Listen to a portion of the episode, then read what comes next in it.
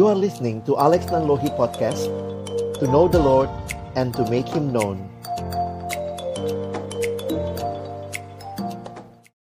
Bapa di dalam surga kami kembali bersyukur Berterima kasih untuk cinta kasih dan anugerahmu Di dalam kehidupan kami.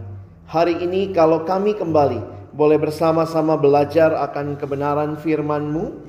Kami mohon ya Tuhan Tolonglah kami Ketika kami membuka firman-Mu Bukalah juga hati kami Jadikanlah hati kami seperti tanah yang baik Supaya ketika benih firman Tuhan ditaburkan boleh sungguh-sungguh berakar, bertumbuh, dan juga berbuah nyata di dalam kehidupan kami.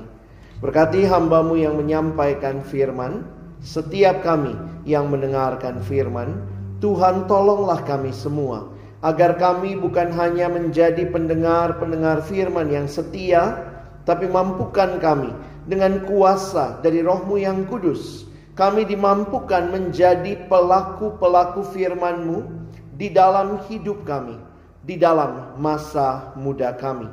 Bersabdalah ya Tuhan, kami umatmu sedia mendengarnya.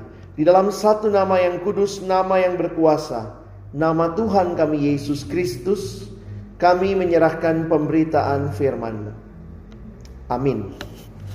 Shalom. Selamat sore teman-teman sekalian. Wah wow, rasanya udah lama banget nggak ke sini ya. lama sekali. Iya, uh, ada pepatah mengatakan tak kenal maka tak sayang. Sudah kenal sih belum tentu disayang.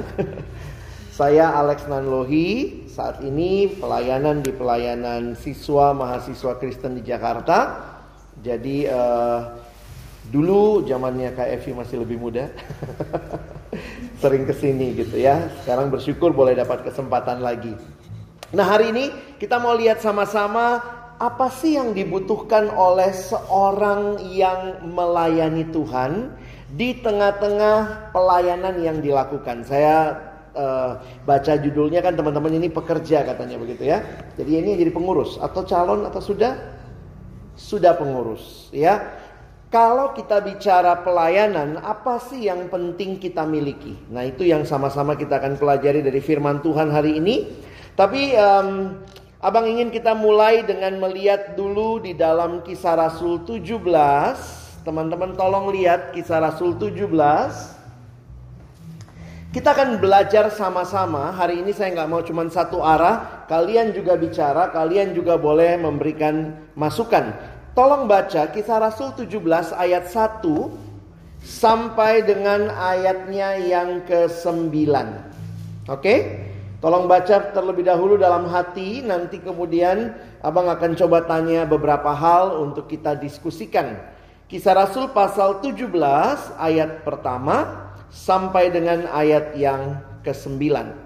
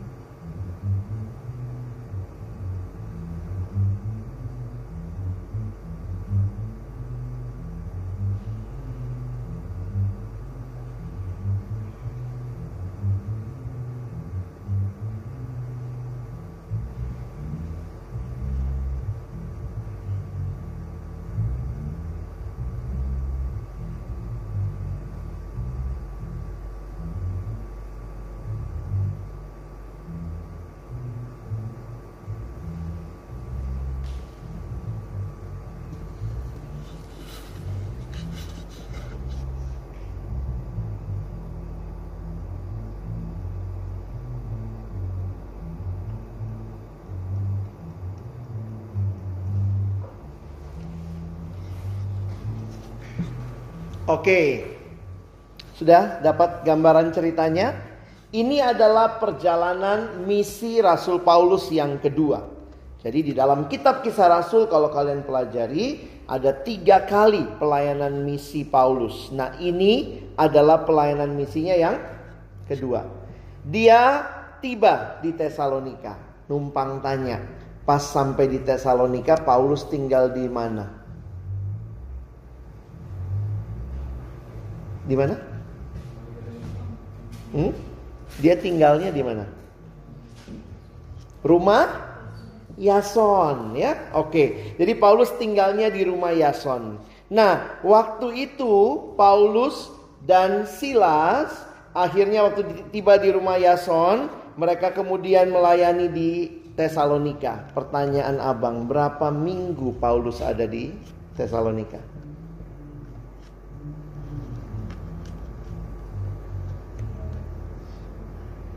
Berapa?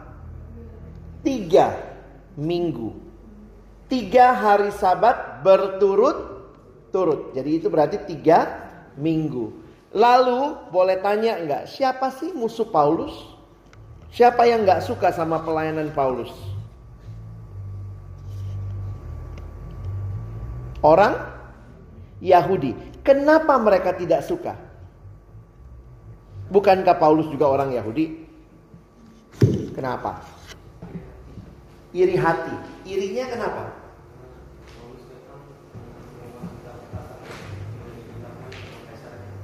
Hmm.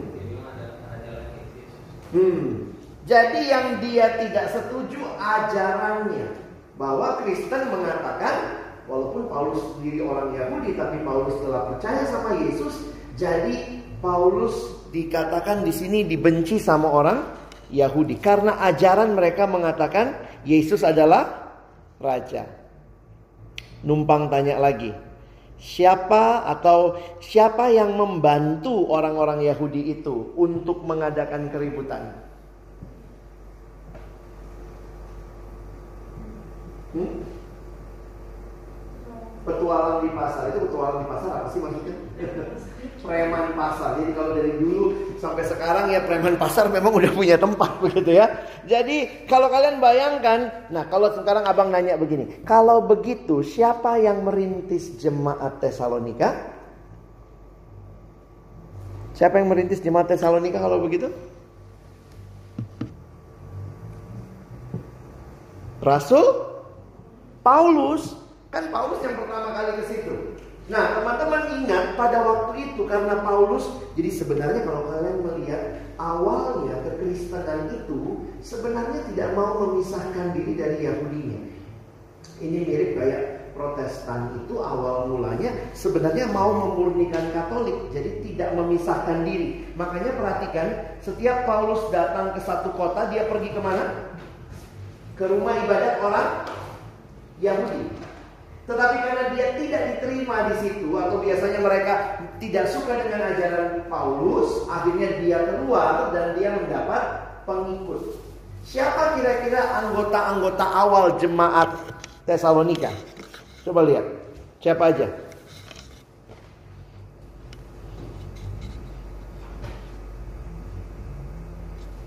Jemaat Tesalonika awalnya siapa aja? Kalau lihat di sini. Ayat berapa?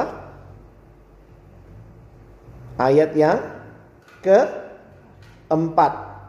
Jadi ada orang kalau yang datang ke sinagoge itu, jadi ini sedikit cerita ya. Paulus itu kalau datang dia akan masuk dulu ke sinagoge, ke rumah ibadat orang Yahudi. Siapa yang ibadah di situ?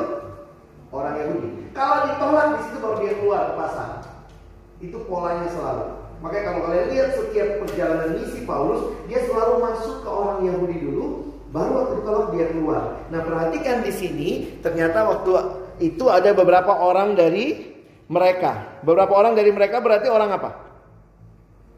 Orang ya Yahudi karena mereka orang dari rumah ibadat dan menggabungkan diri dengan Paulus dan Silas dan juga sejumlah besar orang Yunani yang takut kepada Allah jadi ada orang-orang yang simpatisan juga ini takut kepada Allah dan tidak sedikit perempuan-perempuan terkemuka. Jadi memang dari dulu persekutuan banyakkan perempuan ya. ya, ini cowoknya pada jadi cowoknya yang preman pasar kali ya. Tapi bukan kalian berdua ya. Oke, jadi kenapa abang ingin ajak kalian lihat ini? Karena sebenarnya kalau kita perhatikan pelayanan Paulus di Tesalonika sangat-sangat sebentar. Cuma tiga minggu. Tiga minggu dapat perlawanan yang begitu keras. Coba lihat, sebelum tiba di Tesalonika, Paulus di kota apa? Lihat sebelumnya. Kisah Rasul 16. Kota Vi, Filipi. Paulus di kota Filipi berlibur ngapain? masuk pen penjara. Ngapain dia masuk penjara? Gara-gara apa? Apa tuduhannya Paulus masuk penjara?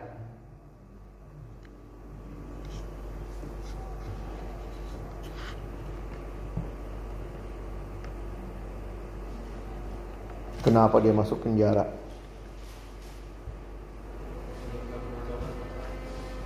dianggap pengacau juga. Sebenarnya setiap kali Paulus masuk penjara itu gara-gara memberitakan Yesus. Yesus adalah raja, Yesus adalah Tuhan dan semua orang waktu itu tidak mau percaya.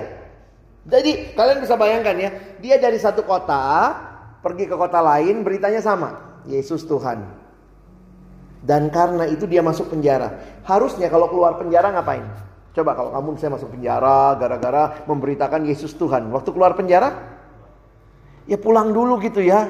Santai-santai gile gara-gara itu gue masuk penjara. Eh pergi lagi ke kota lain ngapain? Beritain lagi setelah Tuhan. Dan ternyata jaringan F, eh bukan FPI ya. Jaringannya udah kuat. Jadi dari kota yang satu kasih tahu lagi. Makanya ada orang Yahudi di kota itu yang kasih tahu lagi. Ini hati-hati sama ajarannya. Lalu pakai preman pasar. Jadi memang ternyata waktu Injil diberitakan terus menerus ada tantangan. Dan itu terjadi dalam pelayanan Paulus. Numpang tanya kalau begitu. Paulus cuma tiga minggu ada di Tesalonika. Hanya sempat mengajar sebentar di sana. Kira-kira jemaat di Tesalonika itu jemaat yang kayak apa? Jemaat yang berhasilkah atau kurang berhasil menurut teman-teman? Kita nggak dapat cerita apa-apa di kisah Rasul. Kisah Rasul tidak ceritakan apa-apa, ceritakan bahwa Paulus cuma pindah kota lain. Tetapi kenapa abang ajak kita baca ini? Karena di Alkitab ada kitab Tesalonika. Nah coba sekarang kita lihat Tesalonika. Satu Tesalonika pasal yang pertama. Apa judulnya LAI kasih? Ayat 3 Buah dari pemberitaan Paulus. Jadi teman-teman, sekarang saya mau ajak kita lihat bagaimana hasil pelayanan tiga minggu ini. Apa sih yang terjadi dengan jemaat yang tiga minggu dilayani Paulus? Mungkin kita pikir ya ampun sebentar banget. Bang, nggak mungkin lah jadi jemaat yang gimana-gimana banget. Tapi coba lihat ya, ayat yang kedua. Eh, lihat ayat satu dulu ya. Dari Paulus dan Silvanus. Siapa Silvanus? Silvanus adalah nama lain dari Silas. Masih ingat Paulus pergi ke sana bersama Silas dan juga Timotius. Sebenarnya Timotius ada, cuma Timotius nggak masuk penjara. Waktu itu malam-malam yang nyanyi berdua di penjara Filipi cuma Paulus dan Silas. Nanti kalau ketemu Paulus dan Silas tanya, kamu nyanyi lagu apa sih? Bayangkan tuh nyanyi lagu apa sampai gempa bumi gitu ya. Kuat banget tuh. Nah, Perhatikan ayat yang pertama dari Paulus, Silvanus, Timotius kepada jemaat orang-orang Tesalonika yang di dalam Allah Bapa dan di dalam Tuhan Yesus Kristus kasih karunia dan damai sejahtera menyertai kamu. Perhatikan ayat 2. Kami selalu mengucap syukur kepada Allah karena kamu semua dan menyebut kamu dalam doa kami. Apa yang menarik dari orang-orang jemaat buah pelayanan Paulus? Perhatikan triloginya Paulus. Setiap kali suratnya Paulus biasanya ngomong iman, pengharapan, kasih. Kalian tahu ya tiga ini ya. Nah, yang paling lengkap ternyata ada di sini. Kita lihat ayat yang ketiga. Sebab kami selalu mengingat pekerjaan imanmu. Yang kedua, usaha kasihmu dan ketekunan pengharapanmu kepada Tuhan kita Yesus Kristus di hadapan Allah dan Bapa kita. Di beberapa surat lain munculnya cuma kasih dan iman atau pengharapan saja atau kasih dan pengharapan di kitab ini muncul tiga-tiganya. Iman, pekerjaan imanmu, usaha kasihmu, ketekunan pengharapanmu. Beberapa penafsir Alkitab mengkaitkan jemaat yang bertumbuh adalah jemaat yang punya tiga hal ini. Jadi kalau teman-teman sedang melayani teman-temanmu sesama remaja, apa artinya pelayanan kita bagi mereka? Apa yang kita usahakan? Usahakan tiga hal ini. Kalau mau jadi visi pelayanan remaja ya ini. Mereka dalam iman bertumbuh, dalam kasih bertumbuh dan dalam pengharapan bertumbuh. Kalau lihat anak remaja sekarang, aduh putus cinta bunuh diri. Ya elah, sedih amat hidup loh. Jangankan ngomong gitu kak, gue juga pernah tuh mau coba bunuh diri. Waduh, saya ketemu anak remaja yang nggak bisa dites juga di sini. Kalian terlalu sedikit ya. Kalau banyak pernah saya tanya, siapa yang pernah mikir bunuh diri? Itu tuh bisa pernah di satu kelas gitu. Itu 75% loh. Jadi pernah mikir bunuh diri, yang kedua pernah nyoba bunuh diri. Itu kan dua hal yang berbeda. Ternyata karena mikir itu cuma selangkah menuju melakukan. Sekarang ini dunia tidak punya kejelasan apa yang mesti dipercaya. Mesti percaya Tuhan Yesus kah? Ataukah Tuhan-Tuhan yang lain? Mesti percaya siapa? Iman dibutuhkan. Jadi remaja-remaja sekarang harus dilatih dalam iman. Jangan tergoyahkan. Saya langganan salah satu portal berita. Bukan langganan sih ya, subscribe doang. Itu portal berita terkenal di Indonesia, tapi sekarang ngirimnya apa? Astrologi. Pagi-pagi tuh dapat gitu ya. Capricornus minggu ini. Astaga, kita masyarakat makin modern percayanya sama bintang. Tapi itulah realita. Bayangkan kalau kamu dibombardir anak remaja juga gitu ya senangnya baca bintang minggu ini oh hati-hati kamu Capricornus jangan deket-deket Pisces dia ikan terlalu basah. Bodoh banget. Dunia membombardir kita sama berbagai hal yang dipercaya. Percaya itu kan iman. Apa yang harus dipercaya? Dunia kehilangan kasih yang kedua. Kasih itu kalau iman relasinya sama Tuhan, kasih relasinya sama sesama kita makin makin apa ya lihat di sana ospek ini mati anaknya gitu. Saya mikir ini lagi ospek apa lagi bunuh-bunuhan sih? Mungkin kalian juga seneng gitu ya. Kenapa kita tuh manusia seneng menguasai, seneng jadi kayak apa ya kalau kayak di sekolah LDK LDK gitu. Apa lo anak baru ya di sini? Kayaknya kita seneng bangga gitu bisa gituin orang ya. Jadi lihat dunia makin tidak punya kasih dan tanpa pengharapan. Apa-apa bunuh diri, apa-apa bunuh diri, apa-apa lompat dari mall. Emangnya lompat indah gitu ya. Kadang-kadang mikir ngeri banget. Nah, jemaat di Tesalonika dilayani Paulus tiga minggu, tapi punya itu loh. Bagi saya hebat ini. Itu pekerjaan siapa? Nah, lihat Paulus ngakuin sendiri. Itu bukan semata-mata usaha dia. Lihat ayat yang ke 5. Teman-teman baca ayat yang kelima, abang baca ayat 4 ya. Abang baca ayat 4, kalian baca ayat 5. Perhatikan ayat 4 bicara Tuhan yang pilih mereka. Tapi ayat 5 bicara apa yang terjadi ya. Saya baca dulu. Dan kami tahu hai saudara-saudara yang dikasihi Allah bahwa ia telah memilih kamu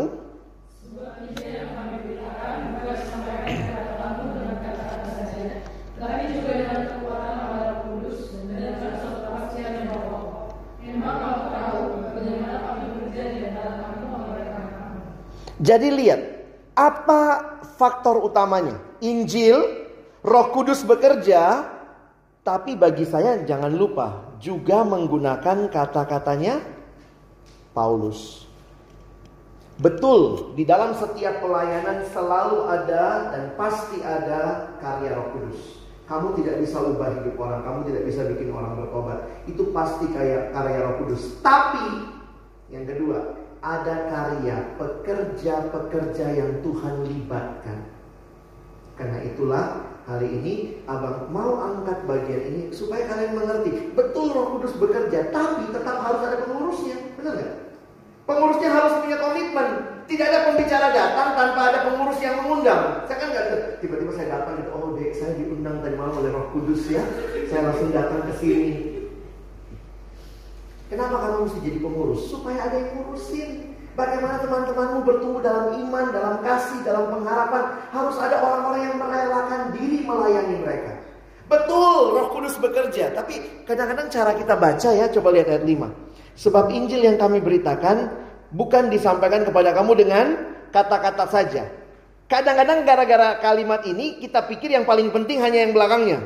Tetapi juga oleh kekuatan roh kudus. Tapi jangan lupa roh kudus pakai kata kata-kata. Roh Kudus pakai Paulus. Karena itu saya berharap kita jadi pekerja-pekerja yang mengerti peran kita. Tentu kita tidak menggantikan Tuhan, Roh Kudus, tetapi kita menyerahkan diri supaya pelayanan kita dipakai Tuhan. Hebat banget jemaat ini. Kalian lihat ayat tujuhnya ya. Uh, ayat 6. Dan kamu telah menjadi penurut kami dan penurut Tuhan Menarik sekali memperhatikan istilah ini. Penurut kami dan penurut Tuhan. Itulah mu murid. Kita ini muridnya Tuhan. Jadi sebenarnya kalau bicara pemuridan paling sederhana coba teman-teman lihat dulu ya. Saya kasih ayat sebentar. Kita lihat kisah Rasul dulu sebentar. Kisah Rasul pasal 11 ayat 26. Coba lihat sama-sama Kisah Rasul 11 ayat 26. Abang aja kita baca ayat ini sama-sama ya. Jadi ini Barnabas dan Saulus ke Antioquia. Kita baca satu dua ya. Mereka tinggal bersama-sama dengan jemaat itu satu tahun lamanya sambil mengajar banyak orang. Di Antioquia lah murid-murid itu untuk pertama kalinya disebut Kristen. Kalau di Tanah Batak lah murid-murid itu untuk pertama kalinya disebut Kristen ya, canda. Kenapa ini bagi saya menarik? Perhatikan teman-teman, di dalam Alkitab kita, khususnya perjanjian baru dan memang hanya di perjanjian baru, istilah Kristen cuma muncul tiga kali. Istilah Kristen itu cuma muncul tiga kali. Satu kali di kisah Rasul, sorry, dua kali di kisah Rasul. Pasal 11 ayat 26. Nanti kalian lihat lagi, muncul lagi nanti di pasal 26. Waktu Paulus di hadapan Raja Agripa. Sampai Raja Agripa bilang begini, Paulus hampir-hampir saja kau yakinkan aku jadi Kristen. Dan muncul sekali lagi, kan tiga kali ya, itu di dalam kitab 1 Petrus. 1 Petrus pasal yang keempat. Jadi kalau kalian perhatikan, kata Kristen sebenarnya awalnya kalau kalian lihat dimulai di kisah Rasul 11 ayat 26, itu julukan. Sorry, itu bulian. Orang yang hidupnya mirip Yesus diberi nama Kristen. Kalau kita tahu misalnya apa? Kristian. Orang yang mirip pemikirannya kayak Gus Dur disebut Gus Durian. gitu ya. Saya geli banget kalau denger itu. Yang mirip kayak ini. Anak Binus disebut Binusian. Jadi Nah, tapi perhatikan, berarti ini bukan nama yang mereka pilih buat diri mereka. Ini nama yang ejekan, awalnya dibully. Lu mirip Yesus. Tapi memang menarik, para penafsir Alkitab mengatakan, kenapa mereka tidak disebut Yesusian, tapi disebutnya Kristian. Karena kemesiasan Yesus betul-betul mereka hidupi. Jadi bayangkan, kalau Tuhanmu adalah Yesus itu terpancar dari hidupmu sampai orang waktu lihat, lu pasti anaknya Yesus. Aku deh.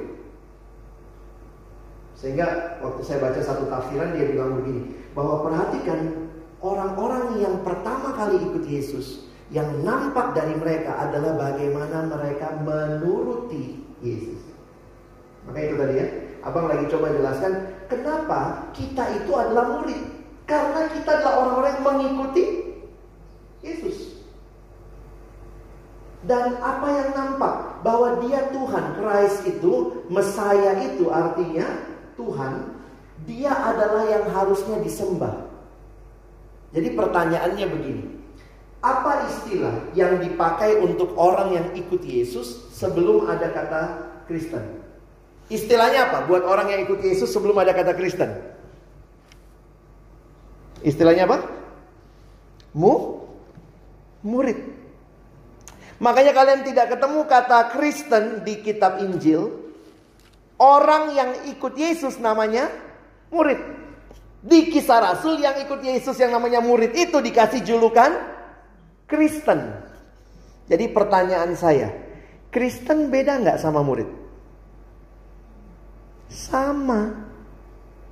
Kristen ya murid, murid ya Kristen. Sekarang ini di banyak gereja seolah-olah itu dua hal yang berbeda. Oh Kristen ya, oh mau ikut pemuridan. Kenapa? Karena pemuridan di banyak gereja cuma jadi pro program. Seolah-olah ada pilihan bisa jadi Kristen tanpa jadi murid. Sedih banget, enggak. Yang murid ya Kristen, Kristen yang murid. Harusnya yang dijadikan murid atau yang menjadi murid semua orang Kristen. Itu seharusnya kerinduan semua kita. Kelompok-kelompok kecil atau yang namanya KTB, KTB pemuridan itu salah satu sarana pemu, pemuridan. Makanya kalau teman-teman, saya harap kalian tidak hanya jadi pengurus, tapi kalian setia juga dibangun dalam hidup sebagai seorang murid. Murid itu siapa? Penurut Allah. Dan Paulus bilang penurut kami. Kenapa? Karena tidak banyak atau mungkin jemaat di Tesalonika kan nggak ada yang langsung lihat Yesus. Yang mereka lihat siapa? Paulus. Jadi Paulus bilang kamu menuruti ajaran Kristus tapi kamu menuruti apa yang kami hidupi. Jadi bagi saya, nah ini jadi menarik nih. Ini kalau bicara sedikit teologis, kenapa jemaat Tesalonika bisa begitu rupa jadi jemaat yang punya iman, kasih, dan pengharapan? Saya bilang sih karena Paulus memuridkan mereka, even hanya tiga minggu. Loh tiga minggu itu bisa ngapain sih ya waktu itu kan mereka bagi hidup benar Salah satu tafsiran kitab Tesalonika mengatakan Paulus kemungkinan dia kan kerjaan utamanya itu pembuat tenda. Makanya Paulus disebut tent maker. Jadi dia sambil melayani, dia karena baru merintis jemaat, belum ada persembahan jemaat itu dikasih sama Paulus, Paulus harus bekerja membuat tenda. Nah, waktu digali penggalian arkeologi di Tesalonika, waktu itu sudah dikenal yang namanya ruko. Tokonya di bawah, rumahnya di atas. Kalian pikir, oh kalau kayak kita sekarang lihat rumah biasa. Tapi zaman itu rumah ya rumah, tempat kerja ya tempat kerja. Nah tetapi di Tesalonika ditemukan ada beberapa galian arkeologis ada ruko. Kenapa? Ini membuktikan kepada kita nampaknya Paulus sambil bekerja sambil memu memuridkan. Jadi jemaat bisa lihat hidupnya transparan kelompok kecilnya tiap hari gitu ya kita seminggu sekali aja kadang susah gitu ya. Tangis darah memperjuangkannya ya. Udah bilang janji datang nanti kakaknya datang kamunya enggak gitu ya. Jadi nanti eh, ya kira-kira dua menit sebelum jam maaf kak ya. Ada yang bilang iya sih kak. Kenapa? Minta izin lebih eh, mohon maaf lebih gampang daripada minta izin Jadi kita sebelum lebaran udah maaf-maafan ya. Sorry kak nggak datang. Jadi mari kita setia dengan pemuridan. Itu kunci. Kenapa? Sebenarnya itulah yang Tuhan mau dalam diri kita. Terus jadi murid. Kalau kalian melayani ya kalian jadi murid. Dan itu adalah satu kualitas hidup kita. Nah, saya simpulkan. Satu Tesalonika, abang simpulkan kalimatnya begini. Satu Tesalonika ini itu adalah jemaat teladan. Punya iman, kasih, pengharapan. Bukan hanya itu, perhatikan ayat 7 dan 8. Sehingga kamu telah menjadi teladan untuk semua orang yang percaya di wilayah Makedonia dan Akhaya. Teman-teman, ini Paulus kok rekomendasinya luar biasa ya. Karena orang-orang itu mereka tinggal di kota apa? Tesalonika. Tetapi mereka jadi berkat bahkan bagi sebuah provinsi. Hebat nih jemaatnya. Makedonia bukan hanya jadi Tesalonika itu ada di provinsi Makedonia, lalu di bawah provinsi Makedonia ada provinsi Akhaya. Kota terkenalnya adalah Korintus. Makanya kalau kalian lihat habis Tesalonika dibawa ke Berea nggak lama ke Korintus. Jemaat ini yang dilayani tiga minggu hebat banget. Jadi teladan iman bukan hanya di kotanya, tapi bagi satu provinsinya, bahkan bagi provinsi lainnya, bahkan ayat 8. Karena dari antara kamu, firman Tuhan bergema bukan hanya di Makedonia dan Akhaya, saja, tetapi di semua tempat telah tersiar kabar tentang imanmu kepada Allah, sehingga kami tidak usah mengatakan apa-apa tentang hal itu. Hebat ya. Jujur aja waktu saya baca, ini ini mimpinya para pengurus nih. Kalau saya melayani, saya rindu adik-adik atau teman-teman yang saya layani bukan hanya jadi berkat di HKBP Menteng, tapi di resort HKBP, bahkan mungkin di sinode begitu ya. Bahkan mungkin di kota Jakarta, bahkan juga di Singapura gitu ya gitu ya. Itu loh, lihat rekomendasinya Paulus. Dilayani berapa lama? Yang meragukan. Betulkah tiga hari sabat berturut-turut itu tiga minggu? Jangan-jangan bisa aja tiga bulan atau tiga minggu yang masuk rumah ibadahnya, lalu lanjut lagi ke tempat lain. Tapi saya mau mengatakan begini loh, terlepas dari berapa lama Paulus di sana, kalau Tuhan sudah bekerja, banyak hal yang luar biasa bisa terjadi. Nah, kalau kita sudah belajar bagaimana jemaat teladan, sekarang kita perhatikan 1 Tesalonika pasal 2 Karena jemaat teladan ini tidak bisa dihasilkan tanpa pekerja-pekerja teladan Makanya lihat pasal 2. Apa judulnya? Pelayanan Paulus di Tesalonika. Kita akan belajar tiga hal yang Paulus miliki. Yang abang harap kalian sebagai pekerja, sebagai pengurus kalian miliki juga. Supaya pelayananmu kita kan bukan cuma ada yang jadi pengurus di sini diminta sama KFV atau kakak-kakak yang lain. Iya deh, kamu jadi pengurus tiga minggu. Nggak kan? Kamu tuh jadi pengurus lebih dari tiga minggu. Kalau tiga minggu saja tapi dengan sungguh-sungguh dikerjakan bisa luar biasa. Apalagi kamu setahun, dua tahun jadi pengurus. Harusnya bisa lebih luar biasa. Kabar tentang iman anak-anak HKBP, RHKBP Menteng terdengar bahkan sampai ke mancanegara. Wih, kan ada kamera ya, jadi dia masukin gitu ya. Bisa juga gitu ya. Nah, jadi kita coba lihat ya, ada tiga hal yang dibutuhkan sebagai seorang pelayan yang dipakai Tuhan supaya terjadi buah yang luar biasa. Kita baca pasal 2 ayat 1 sampai ayat 12 ya. Agak panjang ayatnya tapi abang cuma ambil tiga hal yang dibutuhkan ya. Yuk kita baca gantian. Saya baca ayat 1, teman-teman baca ayat 2, kita bergantian sampai ayatnya yang ke-12. Kamu sendiri tahu, kamu sendiri pun memang tahu, saudara-saudara, bahwa kedatangan kami di antaramu tidaklah sia-sia.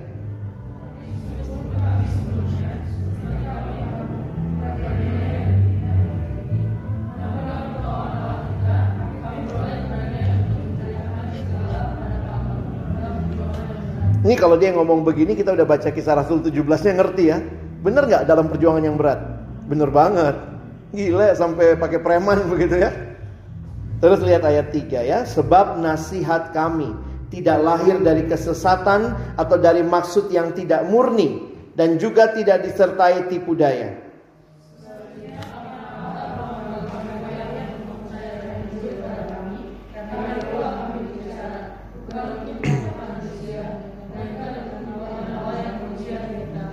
Karena kami tidak pernah bermulut manis, hal itu kamu ketahui, dan tidak pernah mempunyai maksud loba yang tersembunyi. Allah adalah saksi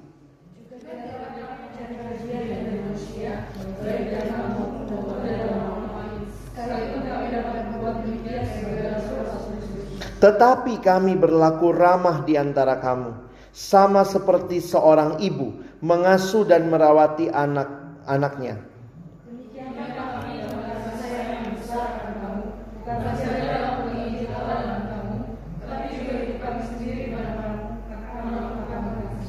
Sebab kamu masih ingat saudara-saudara akan usaha dan jeri lelah kami.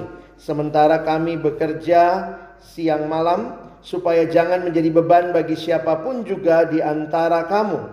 Kami memberitakan Injil Allah kepada kamu.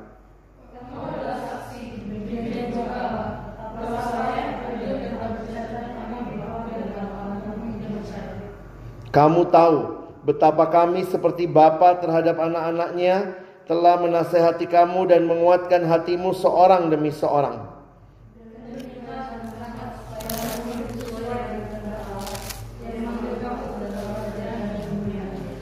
Dari situ tadi abang simpulkan ya yang dikatakan bahwa Paulus mungkin bekerja, makanya dikatakan dia tidak membebani mereka. Itu ya kalimatnya ayat yang ke-10, oh sorry ayat yang ke-9. Kamu masih ingat saudara-saudara akan usaha dan jeri lelah kami. Sementara kami bekerja siang malam Supaya jangan menjadi beban bagi siapa pun di antara kamu. Fokusnya Paulus memberitakan Injil Allah. Apa yang menarik teman-teman? Kita akan lihat tiga hal ini. Saya singkat saja biar gampang. V, M, S. V, M, S. Oke? okay? Apa yang dibutuhkan oleh seorang pekerja supaya apa yang dia lakukan di dalam berkat anugerah Tuhan akan menjadi jemaat teladan. Pertama, kita butuh visi.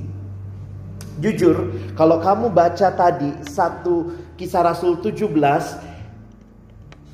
apa sih yang kamu lihat? Paulus pelayanan tiga minggu, habis tiga minggu pergi.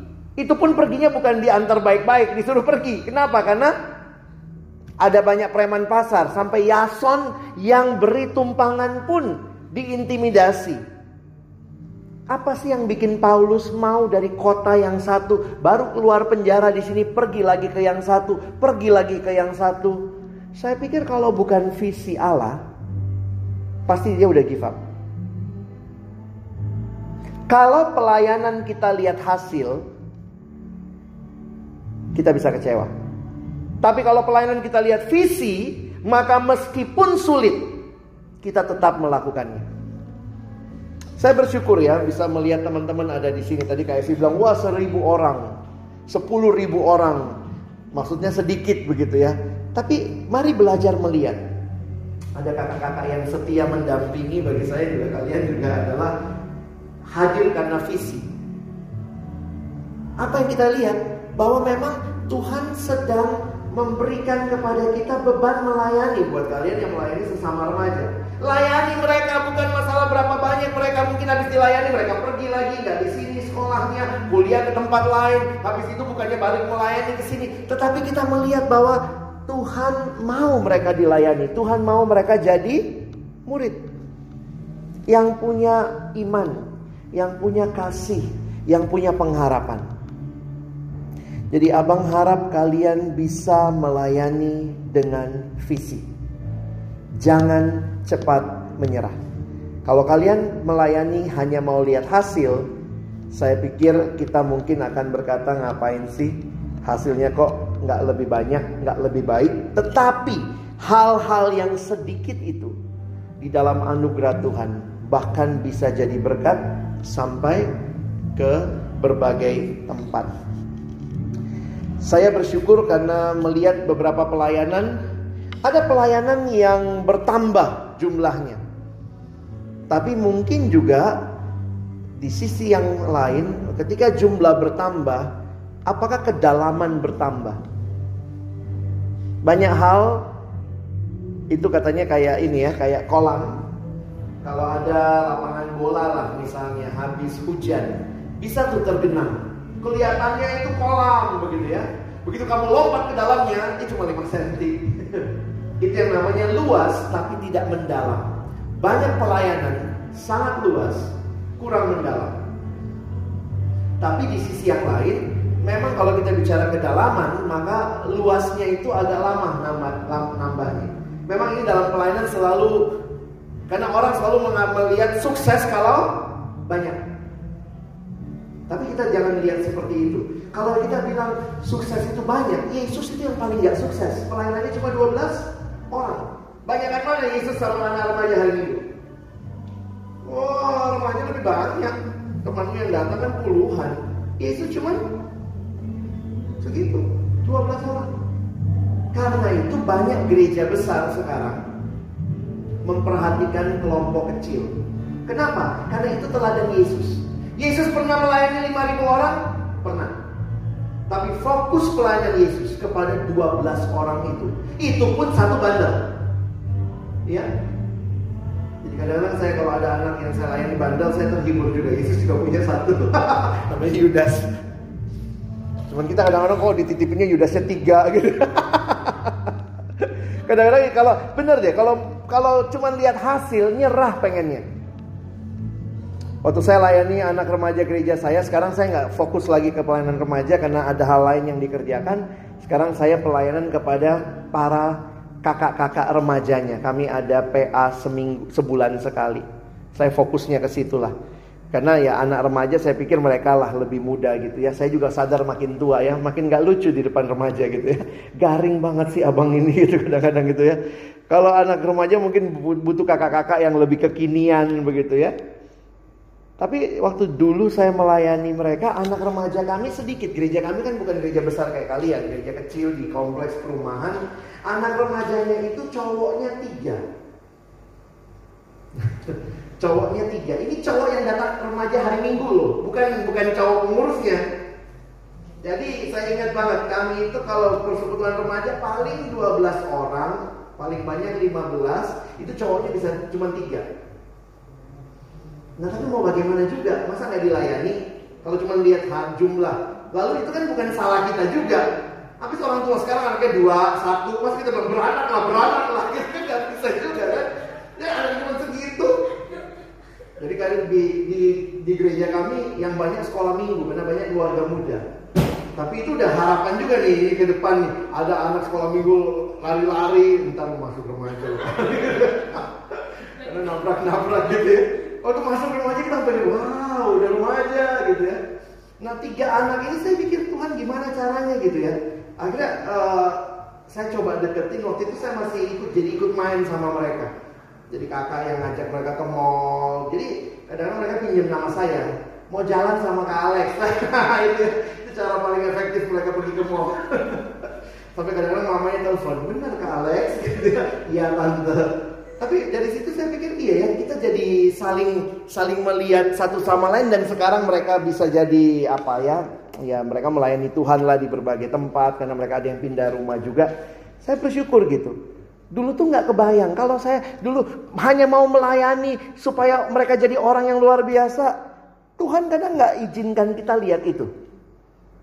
Tuhan cuma izinkan kita lihat remaja yang bandel, yang nakal, aduh ini orang berisik banget gimana ya. Tapi ketika kita punya visi dari Tuhan, maka Tuhan kayak pinjemin kita kacamata. Lu jangan lihat mereka dengan kacamatamu, pinjem kacamataku. Mereka bisa jadi berkat di kemudian hari. Jangan berhenti melayani, jangan mundur dalam pelayanan. Kadang-kadang memang ada gesekan, namanya juga pelayanan manusia ketemu manusia ya bergesek kan. Saya ingat ada satu teman pernah dia komplain sama saya, Alex, saya mau komplain. Saya pikir masuk pelayanan dia jadi pengurus di remaja. Saya pikir masuk pelayanan suaranya surgawi, ternyata agak nerakawi. Kenapa? Jadi ternyata ada teman satu seksi sama dia gitu ya, satu bidang sama dia. Tiap kali dia ngomong apa salah satu pasti beda pendapatnya. Jadi bilang gue kayak capek sama dia.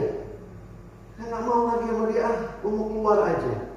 Jadi waktu dia bilang mau keluar, dia minta restu saya. Boleh nggak kak gue keluar? Terus saya bilang ini sama dia, kamu pernah nggak doa minta kesabaran? Pernah sih kak. Nah ini jawabannya. Tuhan izinkan kau ketemu orang yang bikin kau tidak sabaran. Gimana kesabaranmu bertumbuh?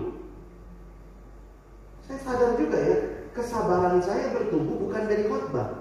Saya bisa catat khotbah pendeta. Wah, lima poin tentang kesabaran. Apakah setelah catat khotbah kamu sabar?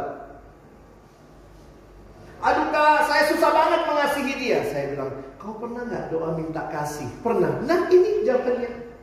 Tuhan sering kali izinkan kamu ketemu orang yang sulit dikasihi untuk membuat kasihmu makin bertumbuh. Kalau orang itu gampang dikasihi, kasihmu mungkin nggak bertumbuh. Di rumah juga gitu ya. Ih, punya mama cerewet banget sih. Ya supaya kau lebih sabar. lebih belajar mengasihi. Jangan, oh saya akan mengasihi mama saya kalau mulutnya diem. Begitu mulutnya diem, kamu juga bilang, ma ngomong dong, ma ngomong dong, maka nggak ngomong. Jadi ini manusia yang banyak maunya ya. Jadi mari belajar menikmati pelayanan ini. Layanilah Tuhan dengan visi. Visi itu apa? Bahasa sederhananya visi itu penglihatan. Penglihatan apa? Penglihatan bahwa di dalam Tuhan. Kalau penglihatan manusia, kita lihat ya ampun nih si bandel, si ini, si ini. Tapi waktu kita dipinjamkan kacamata Tuhan, Tuhan kayak mau bilang, lihat apa yang bisa aku lakukan ketika kamu layani mereka. Yesus melayani Petrus. Awalnya Yesus nggak kebayang kali ya. Petrus jadi luar biasa begitu. Tentu tuh dia karena dia Tuhan dia pasti tahu. Tetapi bagi saya ya pasti Petrus uh, waktu itu kan melewati proses dibentuk. Nah untuk itu saudara dan saya butuh visi untuk bertahan sampai akhir. Ya, meskipun sulit kita baca lagi dua ayat pertama. Ini visi bagi saya. Kamu sendiri pun memang tahu saudara-saudara bahwa kedatangan kami di antaramu tidaklah sia-sia. Itu lu luar biasa lo bisa lihat begitu ya. Kalau buat kita mah tiga minggu mah sia-sia kali ya. Dia bisa lihat tidak sia-sia. Kenapa? Dia pakai kacamatanya Tuhan. Apalagi, tetapi sungguh pun kami sebelumnya seperti kamu tahu telah dianiaya dan dihina di Filipi. Namun dengan pertolongan Allah kita, kami beroleh keberanian untuk memberitakan Injil Allah kepada kamu dalam perjuangan yang berat. Meskipun sulit, tidak berhenti. Saya pikir harusnya Paulus ambil cuti ya, keluar dari penjara Filipi, pulang dulu ke rumah ya. Aduh, habis di penjara. Uh, jangan sampai masuk lagi. Eh, malah pergi lagi. Ngapain? Beritakan Injil lagi. Kelok kan? Memang orang kalau dikuasai visi bisa agak gila. Maksudnya bisa melihat, iya ya, ini yang penting. Oke. Yang kedua, bukan cuma visi. Teman-teman, kita juga butuh M-nya. Yang kedua, VM motivasi. Perhatikan baik-baik. Paulus bicara ayat 3 sampai 6. Sebab nasihat kami tidak lahir dari kesesatan atau dari maksud yang tidak murni dan juga tidak disertai tipu daya. Perhatikan ini masalah kemurnian motivasi. Ayat 4. Sebaliknya Allah Sebaliknya karena Allah telah menganggap kami layak untuk mempercayakan Injil kepada kami, karena itulah kami berbicara bukan untuk menyukakan manusia. Jadi motivasi Paulus bukan supaya disenangi orang, tetapi untuk menyukakan Allah yang menguji hati kita. Perhatikan ayat 5. Karena kami tidak pernah bermulut manis, hal itu kamu ketahui, dan tidak pernah mempunyai maksud loba yang tersembunyi. Maksud loba di sini, para penafsir mengatakan ini berkaitan dengan penggunaan uang. Jadi Paulus tidak manis-maniskan beritanya kayak dosa dimanisin. Oh itu mah sekarang kan kita gitu ya. Dosa aja dimanisin gitu. Apa itu? Oh ih si ini sama si ini. Oh selingkuh. Selingkuh itu bahasa Alkitabnya apa sih? Berzina ya. Tapi coba ih si oma sama tante itu berzina. Ih jangan ngomong berzina, selingkuh. Selingan indah keluarga utuh. Jadi kadang-kadang kita mem memaniskan dosa. Saya nggak tahu nih kalian remaja-remaja gitu ya. Gimana kamu memaniskan dosa temenmu? Dia pornografi. Iya bang dia lagi kebutuhan. Hmm. Kadang-kadang saya pikir, hah kebutuhan? Betul sih kebutuhan, tapi bukan itu cara pemenuhannya. Jadi banyak hal kita maniskan. Nah itu bicara masalah ininya. Tapi juga yang kedua, kalau kalian misalnya juga punya kesempatan megang duit atau pegang organisasi, hati-hati penyalahgunaan keuangan. Banyak gereja gagal jatuh gara-gara penyalahgunaan uang. Moralitas, seksualitas. Makanya ada yang bilang lebih susah jadi pendeta ya. Begitu pendeta ketahuan tidak bermoral, langsung dipecat sama jemaatnya. Gitu kali. Lebih gampang jadi presiden. Presiden ketangkap selingkuh kayak dulu Bill Clinton ya. Selingkuh dia sama Monica Lewinsky, tetap bisa jadi presiden. Coba begitu pendetamu selingkuh, ayo. Mau? Langsung kita ganti. Saya pikir memang luar biasa ya. Susah jadi pendeta daripada jadi presiden. Presiden habis selingkuh masih dipuja-puji lagi. Wah dia baik walaupun selingkuh. Begitu pendeta selingkuh, pakai duit sedikit, wah udah langsung dicoret. Jadi memang teman-teman kita yang melayani, saya pikir jangan cuma lihat pendetanya atau siapa, semua kita jaga motivasi.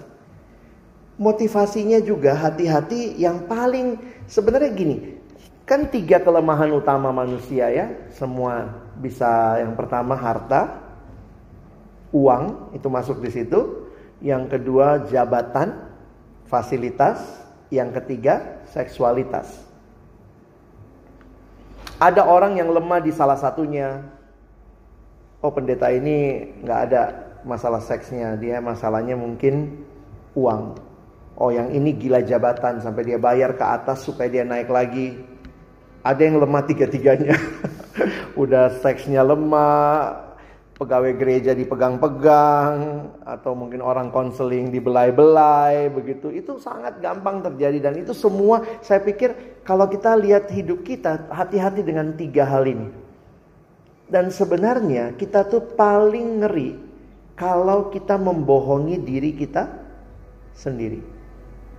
Perhatikan Paulus ngomong begini ya. Bagi saya ini menarik nih ayat 6 juga tidak pernah kami mencari pujian dari manusia, baik dari kamu maupun dari orang-orang lain, sekalipun kami dapat berbuat demikian sebagai rasul-rasul Kristus. Jadi dia lihat potensi jabatannya. Jadi rasul bisa minta pujian. Jadi pengurus bisa nggak ada potensi-potensi kejatuhan? Bisa. Dipuja-puji orang, wih pengurus, tambah dia gitu, hmm, ayo, hmm, pengurus. Hmm. Jadi kita tanpa sadar bisa punya motivasi yang salah. Kadang-kadang begini, saya harus katakan, waktu motivasimu pun salah, Tuhan bisa bekerja, hasilnya tetap baik. Tapi apa? Kita yang melayani tidak menikmati. Beberapa pendeta yang selingkuh khotbahnya tetap jadi berkat. Oh tetap jadi berkat. Tapi dia sendiri nggak nikmatin. Sementara pelayanan itu sebenarnya kita sendiri terus ikut Tuhan, terus jadi berkat, terus jadi teladan. Jadi saya pikir hati-hati dengan motivasi ini ya. Jaga baik-baik supaya engkau juga menikmati pelayananmu. Kamu menikmati hasil dari apa yang kamu kerjakan. Makanya Paulus berani ngomong begini. Kalau dia ngomong lihat ya cara Paulus ngomong kalimatnya misalnya ayat uh, berapa tuh ya? Kamu adalah saksi ayat yang ke-9 ya. Is it? Ya. Ada dua istilah yang Paulus pakai kalau teman-teman lihat. Kamu adalah saksi. Yang kedua, Allah adalah saksi. Kalau kamu adalah saksi, berarti kamu bisa lihat di hidup saya. Kalau kita sama-sama terus, kita kelihatan dong hidup kita ya. Tapi ternyata Paulus bilang begini, kalaupun ada yang kamu nggak tahu, cuma saya yang tahu. Allah adalah saksi. Saya pikir ini double kesaksian. Double testimony. Paulus lagi mau ngomong saya tidak menipu kamu. Tapi yang paling utama saya pun sedang tidak menipu Allah. Karena bisa jadi kita uh, apa ya uh, orang lain bisa lihat tapi kita juga masih bisa mainin lagi sama Tuhan. Yang paling tahu segalanya Tuhan. Beberapa orang pelayanan supaya dia dipuji. Ada juga yang begitu. Jadi kalau habis nah ini makanya dulu kakak rohani saya pernah bilang belajar terima pujian, belajar dikritik, belajar terima pujian. Karena kadang, kalau kita nggak nggak belajar terima kritik, kita pun nggak belajar terima pujian. Kalau kamu pelayanan bagus, terus orang bilang wow bagus banget tadi, jawabnya apa? Terima kasih, puji Tuhan. Kadang-kadang kan sekarang jawabannya kayak ini rohani. Ini bagus banget tadi MC-nya. Aduh, itu bukan saya, bukan saya. Terus siapa tadi? Bilangnya sih mau memuliakan Tuhan. Itu bukan saya, bukan saya. Itu Tuhan. Kata rohani saya bilang begini, orang yang bilang begitu sebenarnya di sisi yang lain kalau dibalik, kalau tadi jelek, itu bukan saya, Tuhan. Kurang aja kan? Makanya harusnya belajar terima pujian. Tadi kamu bagus, terima kasih. Puji Tuhan itu pasti karena Tuhan terpujilah Tuhan. Waktu bilang tadi kamu kurang bagus. Maka bilangnya apa? Itu pasti karena saya. Terima kasih kritik masukannya. Saya akan mengoreksi diri saya. Saya akan jadi kalau kalau bagus pasti karena Tuhan. Kalau jelek itu kita tuh. Jangan dibolak-balik. Kadang-kadang kalau jelek, oh ada rencana Tuhan. Kurang ajar bener-bener. Tuhan pokoknya yang bagian jelek-jelek gitu ya. Nah ini masalah motivasi. Teman-teman dari kalian masih muda, abang harap kalian jaga motivasi ya. Kenapa? Satu waktu kalian jadi sintua. Kalian jadi pembina remaja. Harus punya visi itu ya. Sintua HKBP. Tapi motivasinya apa? Melayani. Bukan supaya dilihat dilihat bangga oh keluarga saya kalau lihat sintua barulah disanjung dihormati nggak begitu banyak orang punya jabatan tidak punya hati yang melayani yang kita butuhkan di generasi ini bukan cuma orang yang punya jabatan tapi lebih lagi punya jabatan dan punya hati yang melayani believe it or not percaya atau tidak kalian cari di Alkitab ya coba buktikan kalimat abang di dalam Alkitab, seumur-umur kita baca Alkitab, Yesus tidak pernah jadi pengurus, benar nggak? Ada yang menemukan Yesus jadi pengurus bank di sini. Yang jadi pengurus itu yang Farisi. Jangan tiba-tiba kalau itu saya mundur kah? Enggak ya. Saya waktu pelajari di Alkitab, ternyata nggak ada tuh Yesus jadi pengurus. Dia tidak pernah jadi pengurus, tapi hatinya hati yang melayani. Sementara yang jadi pengurus waktu itu orang Farisi, tapi tidak punya hati. Jabatan mereka punya, tidak punya hati melayani. Yesus tidak punya jabatan, tapi punya hati yang melayani. Kalian dapat jabatan, doalah supaya kalian terus punya hati yang melayani. Ya kita bersyukur lah ya gereja kan ada diatur jabatannya ini pengurus, ini pekerjanya, ini pembinanya, ini sintuannya, ini yang namanya pendeta. Semua struktur itu doakan hatinya melayani. Punya visi, punya motivasi. Saya pikir dari situlah nanti lahir komitmen kan. Tapi yang terakhir, abang ingin garis bawahi tentang strategi. VMS. Kenapa strategi penting? Kenapa bisa ada jemaat teladan? Karena Paulus benar-benar bagi hidup dengan mereka. Nah bagi hidup itu sebenarnya bagi saya pemuritan lagi. Lihat dua ayat. Perhatikan ayat yang ketujuh. Strateginya apa? Ayat tujuh. Paulus bertindak seperti seorang ibu. Perhatikan ayat sepuluh. Paulus bertindak seperti seorang Sorry, ayat sebelas. Seperti seorang bapak. Saya lagi mikir gini ya, kenapa Paulus bisa begitu rupa ya? Jemaat itu kalau mau pakai bahasa sederhana, jemaat itu ada di hatinya. Kamu yang melayani remaja, teman-temanmu yang kau layani karena kau juga masih remaja, apakah ada mereka di hatimu? Orang tua itu di hatinya ada anaknya. Coba kalau kamu namanya pengurus remaja, siapa yang kau urus? Remajanya. Pertanyaannya, yang kau urus itu paling pertama dan terutama muncul nggak di doa-doamu?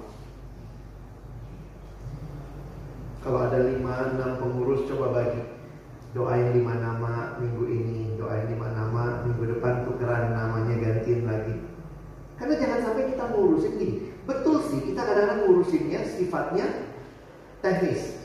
Yang kita urusin drum, yang kita urusin mic. Tapi ingat ya, bukan itu. Yang utama adalah jiwa-jiwa. Makanya lihat kalimat Paulus ayat 7. Bagi saya menarik. Paulus kan nggak pernah jadi cewek. Paulus pernah nggak jadi ibu-ibu. Enggak ya? Tapi dia bisa punya penghayatan seperti seorang ibu. Bukan saja ayat 8. Dalam kasih yang besar akan kamu. Bukan saja rela membagi Injil Allah dengan kamu. Tetapi hidup kami sendiri dengan kamu. Karena kamu telah kami kasih. Nah ini dua aspek yang muncul aspek ibu itu dengan ya ibu itu kalau melahirkan kan yang dia, dia pertaruhkan adalah nyawanya sendiri. Dengan kasih yang besar itu kelembutan. Lalu masuk sisi bapak. Apa poin bapak? Ayat 11 menasehati dan Menguatkan kamu seorang demi seorang. Jadi saya lagi bayangkan pasti Paulus khotbah juga di besar, tapi dia juga datang seorang demi seorang. Pemulihan lagi. Jadi saya melihat kita butuh tiga hal ini untuk bisa melayani generasi ini. Kamu butuh visi, jangan cepat mundur hanya karena lihat situasi kondisi yang tidak mendukung. Kamu butuh visi untuk terus bertahan sampai akhir. Katanya generasi ini paling susah ambil komitmen ya. Tapi saya pikir orang yang dapat visi dari Tuhan akan mau. Saya mau layani remaja. Kenapa? Saya bisa lihat di dalik mereka satu waktu Tuhan berkarya luar biasa. Mereka harus dibangun, harus dengan Injil. Kedua, kamu butuh motivasi. Ini masalah internal. Terus murnikan motivasimu. Kenapa sih melayani? Kalau ada orang yang mundur gara-gara kecewa sama si Anu dalam pelayanan, saya pikir motivasimu melayani apa? Supaya dipuji, supaya dia suka sama kamu. Berarti kamu bukan sedang melayani Tuhan. Kamu lagi melayani supaya orang suka sama kamu. Begitu orang nggak suka kamu mundur, pertanyaan saya apa motivasimu? Tapi yang ketiga adalah strategi. Terus jadi orang yang bisa membagi kasih. Nah itu mungkin lebih banyak kepada kakak-kakak ya ini generasi yang sedang tanpa arah. Siapa yang harus memperhatikan mereka? Zaman dulu pelayanan itu, kalau kita bicara pelayanan remaja, zaman dulu tuh begini nih. Misalnya saya mau sama adik ini, siapa namamu? Pak Tiar. Saya sekarang apa ya? Saya mah kuliah, kuliah. Misalnya saya sama dia. Zaman dulu tuh polanya begini. Pak Tiar, yuk kita ke sana ya. Saya kasih sama dia peta nih, petanya saya ajarin kamu baca lihat ini ya. Nah, nah, nah kamu ke sana. Nanti kita ketemu di sana. Itu gaya pelayanan remaja generasi yang lalu. Kasih manualnya kasih guideline-nya. Makanya di generasi yang lalu tuh kayak inisiatifnya tinggi luar biasa gampang gitu ya. Kalau sekarang nggak bisa begitu. Kita kasih tahu. Latihan ini petanya kita ke sana ya. Apa yang dilakukan?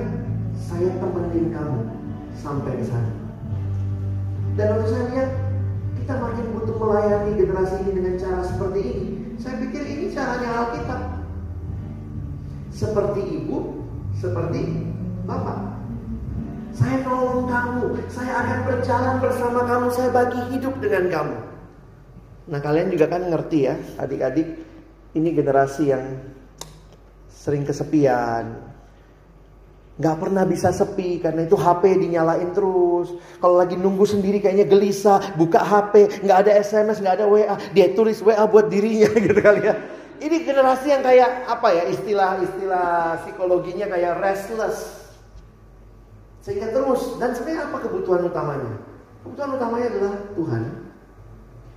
Dan itu juga bisa dinikmati melalui orang-orang yang Tuhan hadirkan. Yaitu sahabat kakak rohani. Jadi kadang-kadang mungkin kamu masih kecil, masih remaja, tapi kamu bisa jadi sahabat buat temanmu.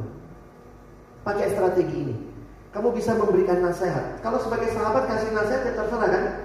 Beda memang ya kalau ini pendeta yang ngomong, wow mesti diikutin. Kayak kalau sahabat, I can give you, I can give you advice. It's up to you. Tapi sahabat bisa didengar dan anak sekarang kan lebih percayanya sama sahabat. Dan saya pikir harusnya begitu nih. Alkitab mengatakan jadi sahabat yang menasehati, yang mengasihi. Dan itu akan Tuhan pakai membangun generasi ini.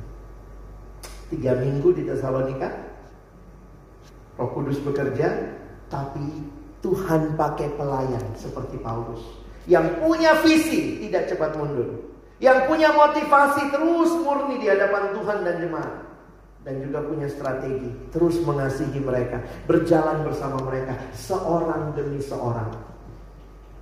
Nah, bagaimana dengan kalian? Tidak ada yang jadi pengurus untuk tiga minggu ya. Kalau kalian jadi pengurus lebih lama, maka doakan, minta Tuhan. Saya punya visi yang makin tajam, saya punya motivasi yang makin murni, saya punya strategi pelayanan yang meniru Yesus, meniru Paulus. Kita nggak lihat hasilnya sekarang, mungkin 10-15 tahun lagi kita akan lihat, wow, bergema iman mereka di berbagai tempat. Kiranya Tuhan menolong teman-teman boleh jadi pekerja-pekerja yang memuliakan nama Tuhan. Amin. Ada pertanyaan? Silakan kalau mungkin ada yang mau ditanya atau mau diceritakan, saya persilakan.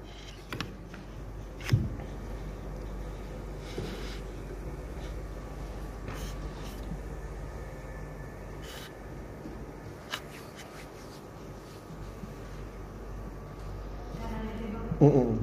Mungkin dari sisi pemimpin rohani. Iya. Gimana cara apa kita menghibur hati? Ini kan banyak hitungan kasih murid nih, kayak seperti tadi yang bilang.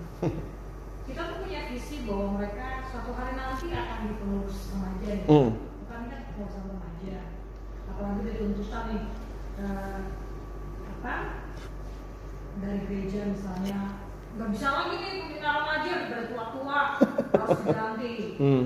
mau nggak mau kan harus ada pengurus baru sementara orang yang kita lihat ini punya potensi hmm. eh justru malah ya tadi apa bilang pergi ke sono kuliah di sono malah kerja di sono terus jadi berpikir ulang nah jadi gue mesti dari dasar lagi terus uh, apa mimpin lagi nah kalau misalnya gue ternyata orangnya pergi ke sono terus jadi berpikir ini apakah akan ada yang tinggal di dalam hmm. uh, tempat ini gitu ya.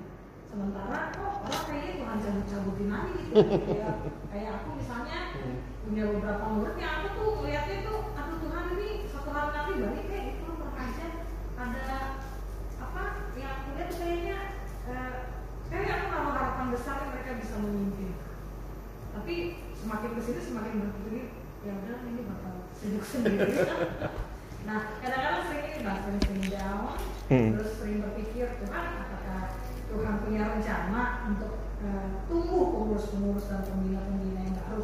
Boya kalau punya rencana kok ya kayaknya pergi aja hilang semua nggak nunggu-nunggu lagi.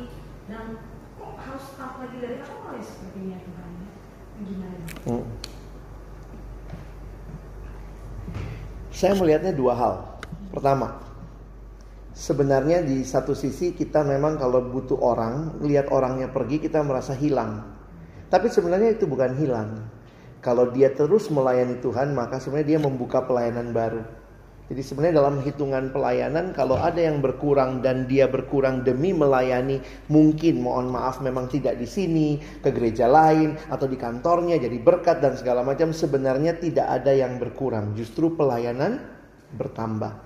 Tapi di sisi lain, karena pelayanan di dalam kita butuh orang, maka mungkin ke depan lebih berani untuk men-sharingkan orang-orang untuk menggumulkan tetap di dalam.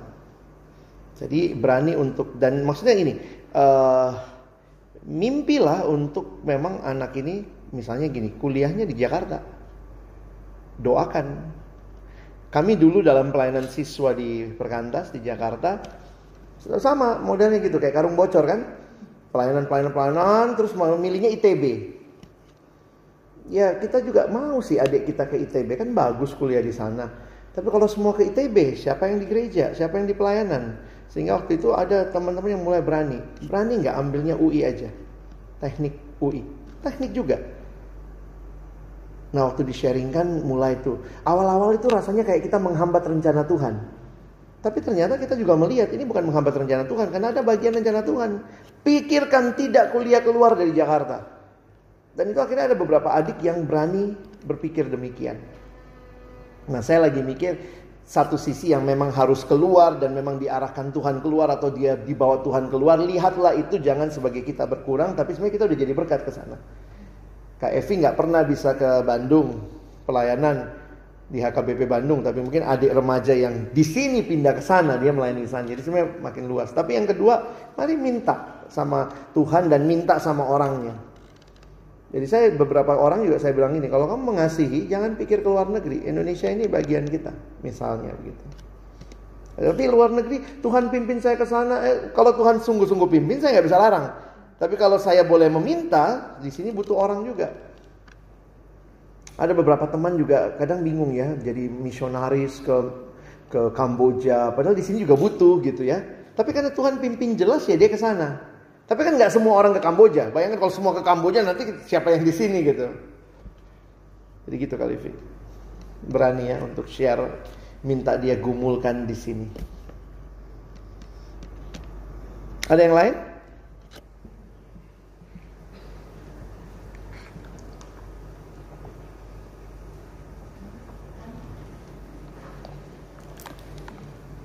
Ada pertanyaan?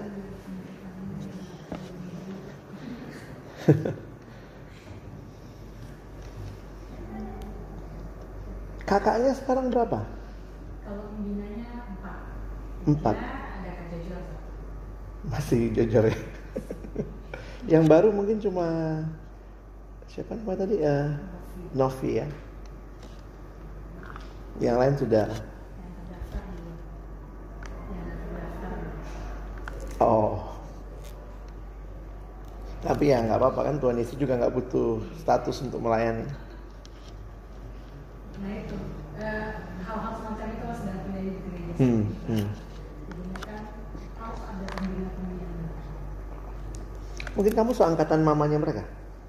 Hmm. Mereka lebih tua sedikit ya dari. Cuma eh, karena kita kan nggak kan ceritanya agak PT. Pagerannya jalan-jalan. Oh. Gak ada remaja tidak ke sini. Kan Tuhan panggilnya di sini. Hmm. Lalu keluar peraturan baru. Jadinya yang diakui cuma berdua. Kak sama ini karena jemaat dan pelajarannya. Jadi eh, kayak apa sih harus ada Hmm, hmm. menggantikan kan. Kadang situasi kayak gitu mungkin juga nolong adik-adik melihat bahwa penting. Mudah-mudahan lah ya terdorong untuk bagian kalian ngedorong dari belakang sampai jangan sampai jatuh aja. Dorong-dorongan. Iya. Eh, aku lihat di kalau di luar luar sana gitu ya Hmm. eh, pengurus-pengurus remajanya tuh udah bisa pegang kendali sendiri gitu ya tapi kalau kita lihat di sini eh, masih lah ya remajanya masih cukup apa ya takut lah atau apa sehingga mereka sebenarnya setiap eh, ada hal-hal segala sesuatu itu Hmm. kesannya sulit gitu untuk mereka yang uh, pegang kendali sehingga mereka tergantung pada pembinanya mas- lagi gitu kan ya.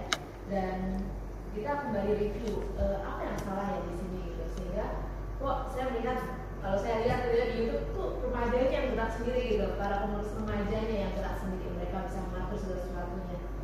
Uh, tapi saya nggak tahu sih di belakang Hmm. itu Apakah ada apa kita nggak tahu juga ceritanya. kalau, saya melihat di sini di tempat ini saya eh, agak sedih gitu ya. Cuma kenapa ya Hmm. di tempat ini kok remaja-remajanya di sini tuh kok sepertinya mereka tergantung apakah mungkin cara kita yang terlalu mengekang mereka atau apa gitu sehingga bisa Hmm. koreksi terhadap kita karena kita sering kali eh, mungkin eh, itu juga nggak tahu ya bagi remaja-remaja yang pengurus sekarang merasa bahwa eh, ketakutan atau apa kete- apa gitu loh eh, mengambil langkah misalnya takut salah atau apa sehingga mereka eh, jadi menahan diri sehingga Hmm. ya udah semuanya jadi ketergantungan gitu loh kita harus gimana caranya gitu kalau bisa melihat di luar eh, melihat gitu abang itu kan pakai Hmm. apa segala macam itu yang Hmm. itu remaja Saya nggak bisa kasih jawaban langsung gimana pun karena pasti kalian punya konteks yang beda sama tempat lain. Tapi di sisi yang lain saya pikir pastikan aja mungkin pendampingan sehingga begini. Mungkin kalau satu waktu kalian tidak bisa yang senior kakak-kakaknya ini tidak bisa hadir rutin dalam kegiatannya tapi kalian punya kelompok-kelompok pemuridan atau pembimbingan pribadi yang jalan kepada adik-adik ini itu bisa menolong mereka. Sehingga eh, banyak faktor sih. Mungkin mereka mesti melihat kalian ada jadi ya udah kakak aja lah ngambil keputusan. Bisa begitu juga. Tapi bagaimana caranya supaya mereka nggak salah langkah juga kalau mereka mutusin sendiri? Nah saya melihat beberapa tempat itu eh, mereka bikin dua layer. Jadi misalnya satu senior membimbing ke bawah tapi datangnya cuman di pemuridannya tapi di dalam pemuridan itu juga karena mereka adalah pengurus biasanya terjadi juga konsultasi pelayanan. Kalau gini gimana kak? Kalau gini gimana kak? Tapi nanti ketika di front line-nya bisa jadi mereka sendiri karena kalian tidak eh, belajar untuk tidak tidak menampakkan diri di semua situasi. Nanti itu akan membuat ketergantungan yang lebih soalnya. Jadi saya nggak tahu bagaimana tapi kalian coba tangkap spiritnya bahwa Ini generasi teman-teman butuh didampingi, itu pasti. Jangan juga merasa sok tahu nggak butuh kakak-kakak dia. Tapi sisi yang lain, bagaimana supaya kehadiran kakak-kakak ini tidak mematikan inisiatif kalian. Nah itu mesti diperjuangkan. Dinamikanya saya, kalian mesti temukan dinamika sendiri supaya dua hal ini tidak.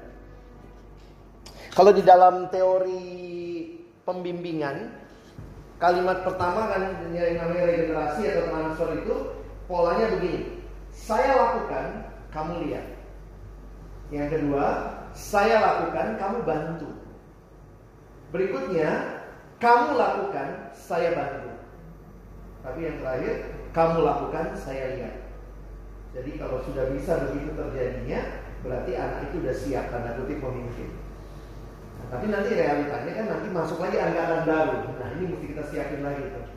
Sehingga semua punya jiwa regenerasi mentransfer ya. Saya lakukan, kamu bantu saya lakukan eh, saya lakukan kamu lihat baru bantu baru kamu lakukan saya bantu berikutnya saya lihat. Lihatnya itu berarti kan tetap ada supervisi. Jadi jangan juga ya maksudnya nih kalau kalian langsung memilih tidak ada di sini juga saya pikir juga itu bukan solusi. Kira-kira gitu.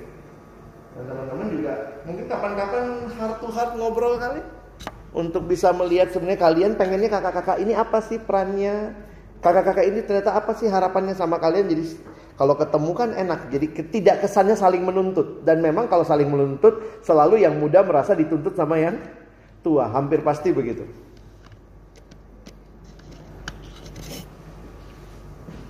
Ada lagi?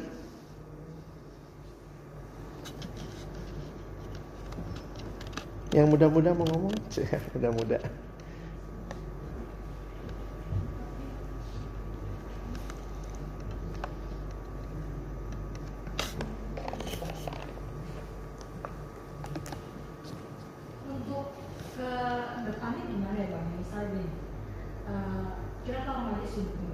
Hmm. semua urusan mereka bahkan sama pengurus nggak bisa menyediakan waktu padahal namanya pengurus hmm. ada kalanya kan pengurus sudah boleh ke gereja namanya ruang tertulis wujudnya kan kelihatan gitu. nah untuk ke depan uh, bisa kasih masukan atau arahan mbak uh, kayak pemilihan kepengurusannya nanti uh, kayak semacam apa sih modal tantangannya gitu supaya ya jangan cuma doang lu gitu. Kan lu ada di sini dalam rangka untuk mau dibimbing dan mau belajar gitu supaya nanti kelak ya kalau kan menggantikan pengurus-pengurus yang lama gitu. Kan kamu kan ini pergantian pengurusnya. Berapa tahun kepengurusan di sini? Dua tahun sekarang. Oh dua ya. Polanya masih kayak dulu nggak sih? Maksudnya kalian dapat orang yang jadi pengurus itu dari mana? Kita itu dari komunitas kan kita memang Dulu kan biasanya ini anak-anak yang rajin PA Sabtu itu kan, hmm, yang, oh ini pemuridan. Jadi itu misalnya PKPK, ya ini anaknya udah bisa dilibatkan panitiaan kalau mereka jadi pengurus misalnya. Ada kan. Oh jadi walaupun sudah orang-orang yang iya. terlibat dalam itu, tapi ternyata waktu jadi pengurus pun tidak bisa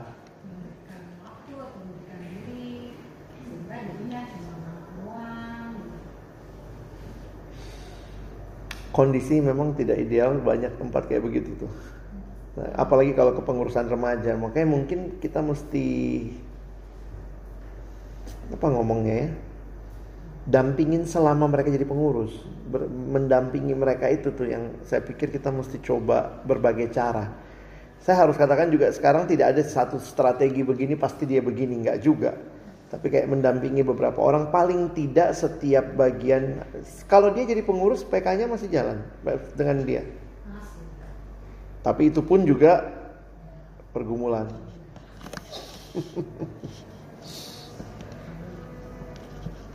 Ada banyak cara lah ya. Saya pikir kayak Tuhan tetap mengasihi saya dengan pembinaan seperti ini kita sama-sama dibukakan dan termasuk mungkin kalian yang lebih senior harus sambung rasa dengan mereka. Nah, coba cari cara misalnya dengan pengurus-pengurus sejak awal kalau bisa. Jangan sudah di tengah begini kan kalau di tengah begini terus kemudian kita bikin pembinaan lalu undang yang nggak pernah datang lalu kayaknya dia dihakimi, nah itu juga jadi masalah tuh. Jadi kayak sama-sama dari awal. Kayak ini ya kita temen bareng ya jalan sama-sama di kepengurusan ini.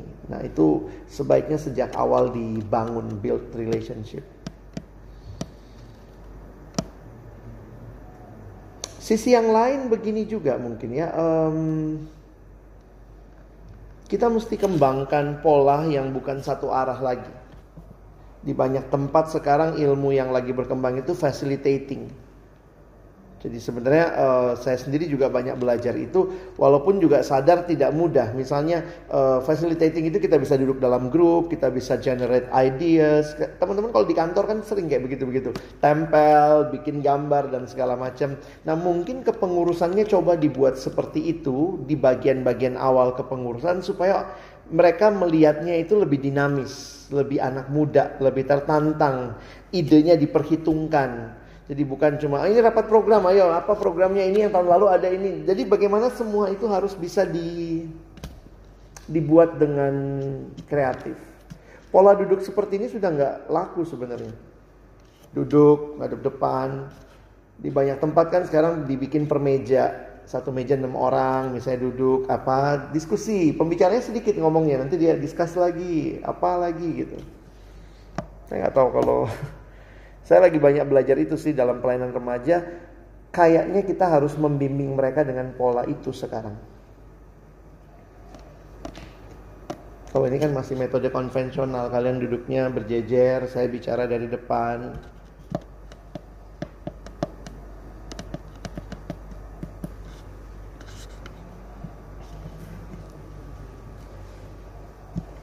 Ada lagi? Silakan. jadi maksudnya mungkin kalau kayak pelayanan pelayanan ini sering kali juga terkadang sama bapak kadang kayak kenapa ke gereja terus kan gitu. Maksudnya kenapa benar-benar setiap sabtu dan dulu kenapa nggak berhentinya? Jadi kan semenjak dari mas dia juga bilang gitu kan kan sibuk kelas dan lain-lain. Iya. nanti aku malah nggak fokus sama belajar Sebenarnya kan kalau kamu bisa buktikan ke orang tua bahwa dengan ikut aktif terlibat kamu tetap punya studi yang baik, saya pikir sih orang tua juga ya walaupun ya tetaplah merepet-repet tapi kita tetap bisa buktikan. Karena saya pikir ketika kamu misalnya beralih nih tiba-tiba nih kamu tiap Sabtu Minggu dugem, pasti papa mamamu juga nggak seneng. Dengan kamu ke gereja tiap Sabtu Minggu mah asik loh ya orang ya walaupun mungkin orang tua poinnya begini ya mungkin kamu perlu juga spend waktu sama orang tua. Dalam arti saya melihatnya spend waktu itu sebaiknya yang berkualitas ketimbang sekedar ya abang ngerti lah kalian anak sekarang begitu di rumah di kamar dengan headset. Jangan begitu mungkin ya kalau itu yang terjadi. Saya makin sadar itu sekarang papa papa mama saya sudah makin tua. Papa saya sekarang sudah mulai demensia, mulai pikunnya yang sudah pikun berat begitu ya, sudah lupa ini lupa itu, diajak ngomong nggak nyambung. Jadi saya kalau misalnya tidak pergi ke mana-mana tuh saya temenin dia, temeninnya cuman kadang tidur samping dia, dia kadang cerita oh, ini begini karena yang memori yang balik tuh memori yang dia yang lama.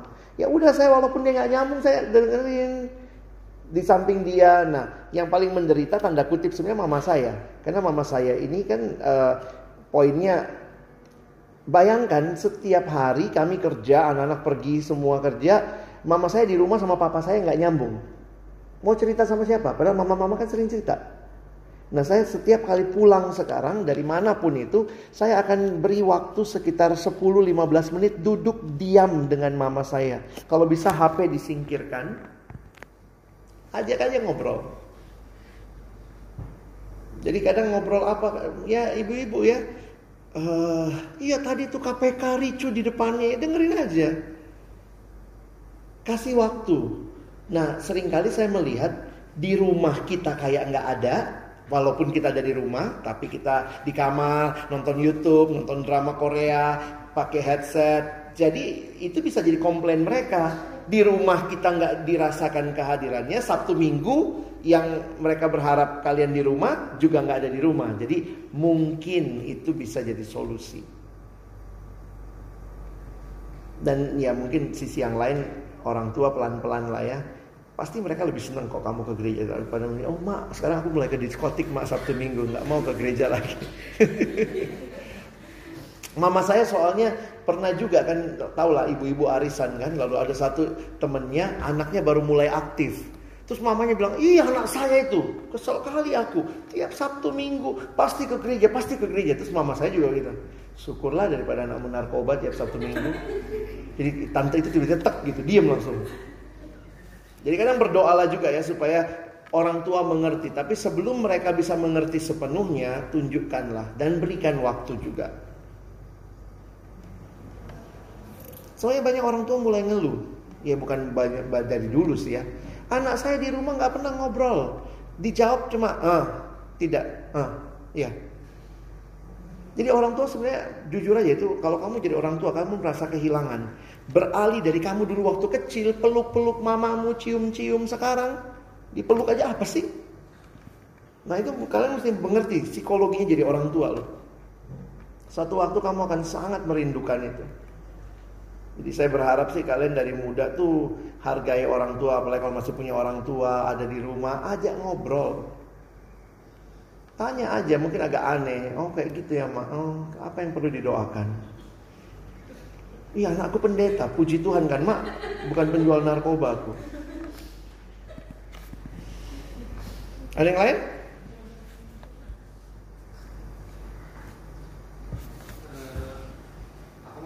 Bang, uh, kan kita kan hmm.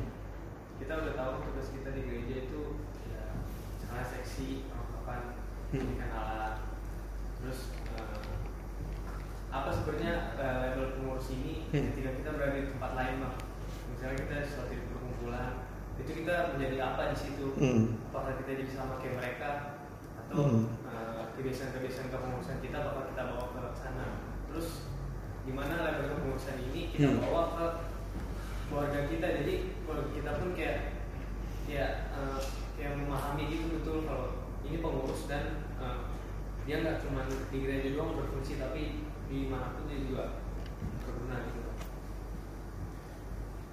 Sebenarnya ada ada ada masalah yang mendasar ya bagaimana kita menghayati identitas. Bagi saya itu mungkin lebih penting. Identitas utama kita itu adalah murid Kristen. Jadi kita itu bukan pengurus yang kebetulan Kristen. Kita itu Kristen yang diangkat jadi pengurus. Kamu bukan mahasiswa yang kebetulan Kristen, kamu Kristen yang sedang jadi mahasiswa. Jadi kalau kita bisa mengerti status dasar kita, maka di mana pun kita berada yang melekat itu sebaiknya Kristennya, muridnya ketimbang status pengurusnya. Karena jujur aja status pengurus di rumah sebenarnya nggak guna kan.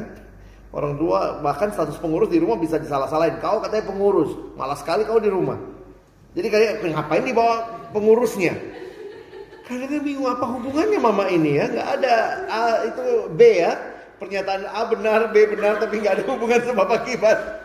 Bisa begitu. Tapi bagi saya begini, bagaimana caranya? M mungkin orang memang akan melihat kita, apalagi kalau teman gaulmu, teman nongkrongmu juga sesama remaja, pasti dia tetap lihat kau pengurus.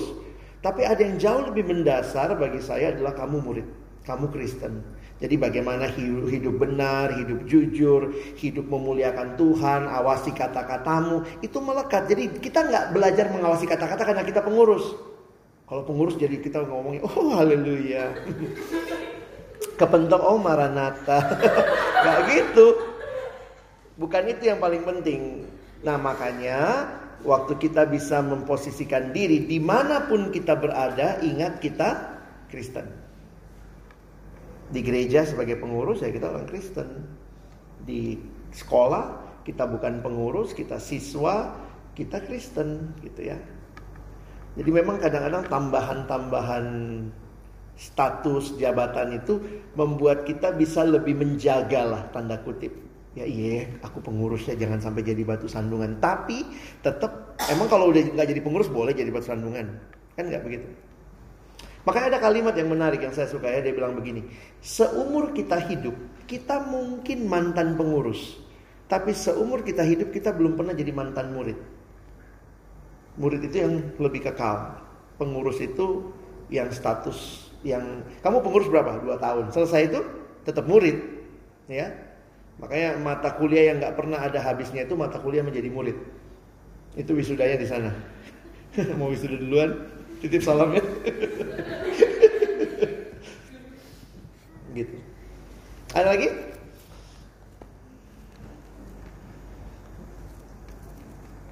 Mau tanya?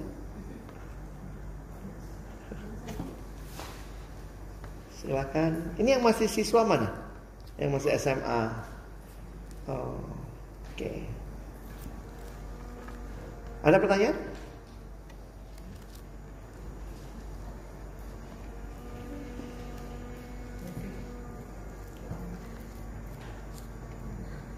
kan kalau di sini kan eh, apa itunya kan dari kita pemerintahan terus seluruh pemerintahan terus jadi eh, mentok PPK jadi PK jadi pembina gitu kan. Hmm. terus mungkin gak sih yang kita pengurus pengurus pemerintahan tapi nggak pembina terus gimana kalau kita Hmm. Saya menghayatinya begini, jadi saya nggak jawab pertanyaanmu langsung ya, karena saya bukan Tuhan. Tapi yang saya lihat begini, kebetulan nggak sih kita pernah jadi ikut pemuridan, jadi CPK, jadi PK. Saya pikir sih itu kayak udah satu sisi udah jelas banget jalurnya, tapi sisi yang lain memang kita mesti menggumulkan. Menggumulkan itu bagaimana? Menggumulkan itu bagi saya pertama ya kamu dengan Tuhan, apa yang firman Tuhan sampaikan kalau kita hubungan dekat dengan Tuhan, kita terbiasa baca firman saat teduh doa, maka Tuhan akan memimpin kita. Kenapa? Karena orang yang bertumbuh pasti rindu melayani. Jadi orang yang bertumbuh itu bukan lagi nanya, saya melayani nggak ya, saya melayani nggak ya, tidak. Dia pasti rindu melayani. Yang dia gumulkan mau melayani di mana, sebagai apa. Makanya saya pernah bilang satu kalimat yang disalah mengerti juga katanya. Karena saya bilang ini, tidak usah gumulkan pelayanan. Pelayanan itu tidak perlu digumulkan. Ada yang kaget, ih kok begitu? Saya bilang saya ambil ayatnya, coba lihat. Di satu Tesalonika juga, tadi kita nggak sampai bawah ya. Satu Tesalonika 1, coba teman-teman lihat ayat 9 dan 10. Jadi ini akhirnya sudah bahas 1 Tesalonika 1 juga full nih sampai 10 ya. Ayat 9 aja kita bahas ya, baca. Satu dua ya. Sebab mereka sendiri bercerita tentang kami, bagaimana kami kamu sambut dan bagaimana kamu berbalik dari berhala-berhala kepada Allah untuk melayani Allah yang hidup dan yang perhatikan tiga kata di situ. Berbalik dari kepada untuk. Jadi ini cara Paulus menggambarkan dulu kamu ikut berhala. Kamu percaya sama berhala, kamu menyembah berhala. Kamu berbalik dari berhala, sekarang kamu berbalik kepada Allah. Tujuannya apa? Jadi siapakah yang melayani Tuhan? Semua orang yang hidupnya sudah diubahkan dari oleh Tuhan dari berhala kepada Allah. Jadi semua orang yang diselamatkan adalah pelayan Tuhan. Setuju nggak? Berdasarkan ayat. Pelayan Tuhan itu bukan status karena diangkat sama ini, dipasu-pasu atau apa. Enggak. Karena kita, jadi kalau ditanya, pelayan Tuhan itu siapa? Semua orang yang sudah berbalik dari kegelapan menuju kepada terang. Jadi perlu nggak gumulkan pelayanan? Kalau kamu tanya, pelayanan nggak ya? Pelayanan nggak ya? Loh, itu sama kayak tadi pagi, ada yang bergumul. Napas nggak ya hari ini ya? Napas nggak ya? Ada yang gumulkan bernapas tadi pagi? Itu sudah sangat melekat pada diri kita. Jadi sebenarnya orang yang kenal Yesus, terima Yesus dalam hatinya, sudah tidak perlu lagi bertanya melayani atau. Jadi yang digumulkan apa? Jadi yang digumulkan bukan melayani atau tidak. Yang digumulkan adalah pelayanan di mana. Jadi apa? Berapa lama periodenya? Itu yang digumulkan. Sama, kalian minta. Abang bisa nggak jadi pembicara di gereja kami? Apa yang saya lakukan? Apakah saya bilang, tolong ya dek, saya kumpulkan dulu ya. Bener nggak sih Tuhan panggil saya melayani di gerejamu? Tuh bilang, abang bukannya ngomong pembicara ya? Itulah kerjanya abang kan? Apa yang saya lakukan? Sebentar dek, saya lihat jadwal itu pergumulan. Jadi kalau ada yang Bang, saya mau bergumul di hadapan Tuhan. Tuhan kasih saya ayat. Janganlah melayaniku. Nggak ada ayat kayak gitu. Nggak ada. Nah makanya di dalam pergumulan kita diberikan Tuhan akal sehat. Pakai itu. Semester depan kuliahku banyak nih. Tapi saya masih bisa kasih waktu. Oh iya, masih ih, si kakak itu juga bisa tanya sama orang-orang kak gimana bagi waktu? Kok kakak sibuk begitu masih bisa pelayanan? Itu yang digumulkan saya doakan. Jadi waktu bergumul saya akhirnya melihat coba kalau kalau orang Kristen sekarang apa artinya bergumul? Kita tuh banyak kata-kata klise bergumul apa pakai bantal? Gitu ya. Apa itu bergumul? Bergumul bagi saya adalah bikin neraca rugi laba kalau saya jadi pengurus, ini kemungkinannya. Wah, saya nggak bisa lagi Sabtu kumpul-kumpul sama temen. Oh, nggak bisa. Tapi saya masih butuh teman saya. Oh, udahlah kita ketemunya jangan Sabtu. Ini hari pengurus. Oh ya, kalau saya terima ini, jadi kita timbang dan doakan Tuhan. Mana? Jadi bergumul itu proses rohani, tapi juga proses pikiran. Jelas, waktu nanti doakan Tuhan, sekarang ini saya mau melayani dengan kondisi begini. Saya tidak tahu dua tahun itu panjang Tuhan apa yang terjadi, tapi saya mau menyerahkan dua tahun ini saya melayani. Itu pergumulan. Jangan sok-sok terlalu rohani. Terus bang, saya butuh waktu bergumul ya dikasih waktu dua minggu ya. Iya. Habis dua minggu ditanya lagi, gimana jawabannya? Oh butuh lagi waktu bang, dua hari. Dua hari, apa gimana jawabannya? Bang, butuh lagi waktu dua jam lagi bang ya. Habis dua jam gimana jawabannya? Eh, dua menit lagi bang gitu ya. Terus ada, iya bang saya nggak usah melayani. Ih kesel kali saya kayak gitu ya. Udah panjang kali kalau gumul-gumul kan jawabannya nggak juga. Sebenarnya kan gampang aja nih tinggal lihat begitu ya. Bukannya saya menggampangkan pergumulan, tapi hati-hati kita bergumul untuk hal yang tidak perlu. Mencari, saya pengen tahu Tuhan mau saya melayani apa tidak. Itu nggak usah ditanya. Tuhan pasti mau kamu melayani. Tapi di mana? Begitu. Makanya kalau selesai jadi pengurus, nah kamu mungkin mantan pengurus tapi seumur hidup kamu belum pernah jadi mantan pelayan. Iya kan? Jadi kalau sudah selesai pelayanan dari pengurus, apa pertanyaannya? Tuhan, saya harus melayani di mana lagi? Kadang-kadang Tuhan bilang kali ini tanpa struktur. Tanpa struktur. Tidak ada yang ngakuin kamu siapa di sini gitu ya. Tapi tetap melayani, tetap kenapa? Lihatlah kondisi. Jadi kadang-kadang saya mikir gini, pasti nggak kebetulan kalau kamu sudah dibina dari murid, eh, CPK, jadi PK, begitu kamu lihat ternyata ada lagi orang yang butuh dilayani. Saya pikir Tuhan nggak bilang e, pergilah ke Afrika, kejauhan. Tuhan bilang gerejamu dulu lihat. Sayangnya banyak begitu ya, selesai-selesai GPCC. Kok saya sebutnya ya, Rek? Banyak yang begitu sekarang, udah selesai dibina segala macam, terus mulai kecewa sedikit sama gereja sini, pindah, lalu kemudian aktif di sana. Saya kadang-kadang mikir, Tuhan tolonglah orang-orang seperti ini supaya, maksudnya bukan bukan masalah karena dia pindah ke semananya ya, tapi poinnya adalah buka mata juga lihat di mana kamu ada. Gerejamu butuh apa? Kebetulan nggak kamu ada di sini? Kenapa Tuhan izinkan kamu dimuridkan di sini? Ya tapi itu pergumulannya itu kamu mesti jawab dalam relasimu sama Tuhan. Oke, semoga ini menolong teman-teman dan saya juga ya untuk bisa melihat uh, mimpi kita harus jelas nih. Saya rindu ada jemaat yang menjadi teladan, jemaat yang bertumbuh imannya, pengharapannya, kasihnya. Tapi itu hanya terjadi kalau ada pelayan yang punya visi, punya motivasi, dan juga punya strategi yang terus melayani. Dan di mana kalian hadir? Ya di sini, di tempat di mana Tuhan sudah bina kalian. Mari kita berdoa. Bapak Surgawi kami bersyukur. Terima kasih untuk kebenaran firman-Mu yang mencerahkan kami kembali melihat karyamu yang luar biasa. Tuhan terima kasih hamba berdoa buat adik-adikku secara khusus baik mereka yang sedang menjadi pengurus maupun yang menjadi kakak pembina. Kami berdoa di dalam anugerahmu berikan kepada kami hati yang terus terarah kepada Tuhan.